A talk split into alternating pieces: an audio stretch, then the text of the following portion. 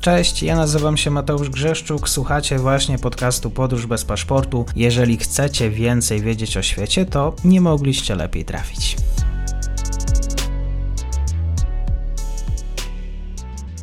Dzień dobry w piątek wszystkim słuchaczom.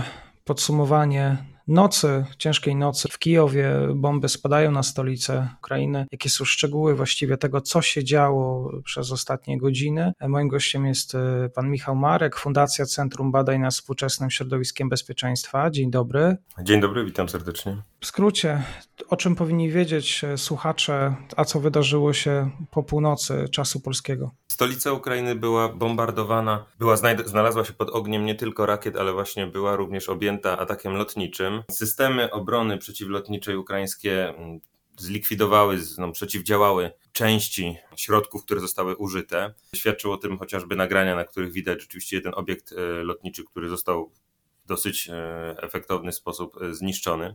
W każdym razie stolica jest, była w nocy objęta atakami lotniczymi i rakietowymi. Ludność, e, z tego co nam e, informacje e, do nas spływają, ludność regularnie musi niestety korzystać z, ze schronów. Po pewnym czasie oczywiście schrony te zostają opuszczone, po czym ponownie ludność jest ewakuowana. Z informacji, które doszły do nas po godzinie, w godzinach porannych. Z tych informacji wynika, że ludność rzeczywiście nawet w tym momencie, czyli 7.40 czasu kijowskiego, 7.40 czasu kijowskiego, również prawdopodobnie jest prawdopodobnie znajduje się w schronach, gdyż właśnie Kijów nadal obejmowany może być w tym momencie y, atakiem. Jeżeli chodzi o inne działania, Dochodzą do nas informacje, zgodnie z którymi w obwodzie sumskim strona rosyjska nie zdecydowała się na przeprowadzenie szturmów, szturmów Sum ani e, szturmów innych miast. Dochodzi natomiast, dochodzi natomiast do okrążania tych miast i e, co ma że tak powiem, wpisuje się w kontekst innych działań strony rosyjskiej dotyczących okrążania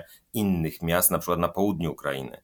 Tam również strona rosyjska nie zdecydowała się, czy to na atak na e, Hersoń, czy też na e, rozwój e, uderzenia w innych kierunkach, jednakże dochodzi właśnie do przygotowań do potencjalnego uderzenia właśnie w stronę Hersonia Nikołajowa. W każdym razie strona rosyjska nie zdecydowała się na podjęcie bezpośredniego ataku. Linia obrony utrzymywana przez stronę ukraińską jest, mm, nie różni się zbytnio od tej, e,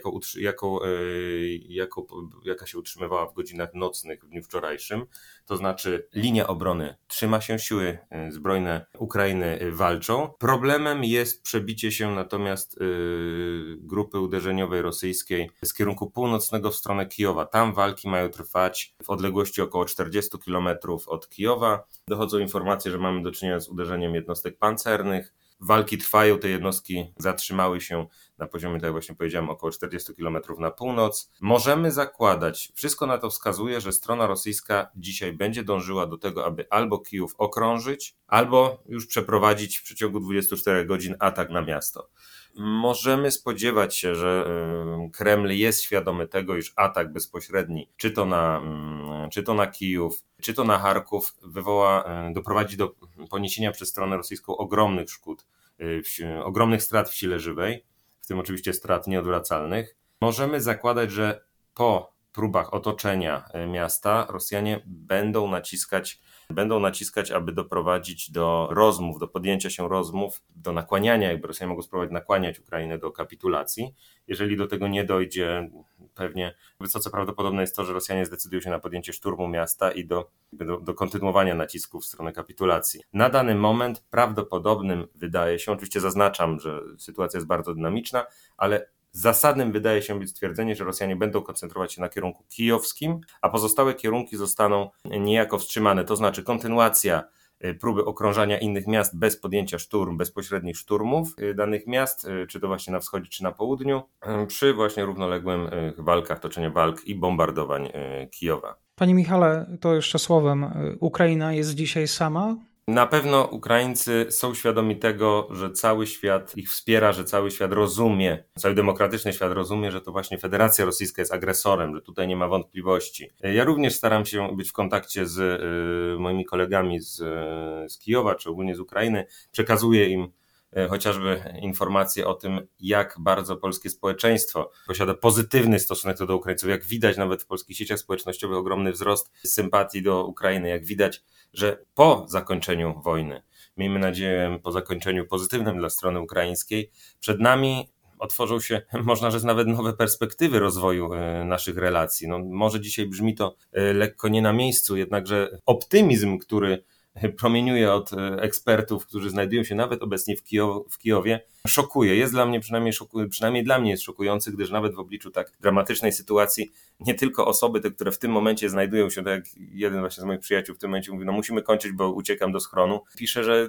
spokojnie, z uśmiechem, jeszcze popracujemy nad relacjami polsko-ukraińskimi w przyszłości. Sytuacja na pewno jest trudna, ale Ukraińcy wiedzą, że ich wspieramy. Informują ponadto o tym, że dochodzi do niszczenia rosyjskiego sprzętu, rosyjskiej techniki, tak, wozów bojowych, czołgów, przy użyciu właśnie sprzętu, które otrzymywali od Zachodu, czy to właśnie brytyjskiego, czy, czy, czy amerykańskiego. Na pewno są świadomi tego, że NATO nie może bezpośrednio zaatakować Federacji Rosyjskiej w tym momencie. Nie możemy zareagować w taki sposób, aby doprowadzić do eskalacji wojny na cały region. Jednakże jednakże na pewno są świadomi tego, iż robimy to, co możemy i, i na pewno Zachód, przynajmniej za, tak w mojej ocenie, Zachód powinien jeszcze bardziej dołożyć się. Nie powinno być w ogóle debaty na temat tego, czy wyrzucamy Rosję ze SWIFT, czy to powinno być jednoznaczne, twarde decyzje, y, które uderzą w gospodarkę Federacji Rosyjskiej w takim stopniu, iż w przypadku dowolnej realizacji dowolnego scenariusza na Ukrainie i tak Federacja Rosyjska spotka się z na tyle poważnymi konsekwencjami, iż możemy zakładać, tak, powinno przynajmniej tak być, że Federacja Rosyjska w obliczu tych konsekwencji prędzej czy później ulegnie procesowi destabilizacji i i tak ziemie ukraińskie, i tak, i tak presja co do kapitulacji, czy presja co do związana z przejęciem kontroli nad częścią obszarów Ukrainy ulegnie zmianie. I tak Rosja zrezygnuje ze swoich e, agresywnych, kontynuowania swoich agresywnych działań. Michał Marek, założyciel Fundacji Centrum Badań nad Współczesnym Środowiskiem Bezpieczeństwa, dzisiaj o poranku. E, serdecznie dziękuję za to podsumowanie. Dziękuję również. I to już koniec na dzisiaj. Zapraszam na profil podcastu Podróż bez paszportu na Facebooku, Instagramie i Twitterze. Zachęcam też do wsparcia mojej pracy na serwisie Patronite oraz Buy Coffee. Do usłyszenia.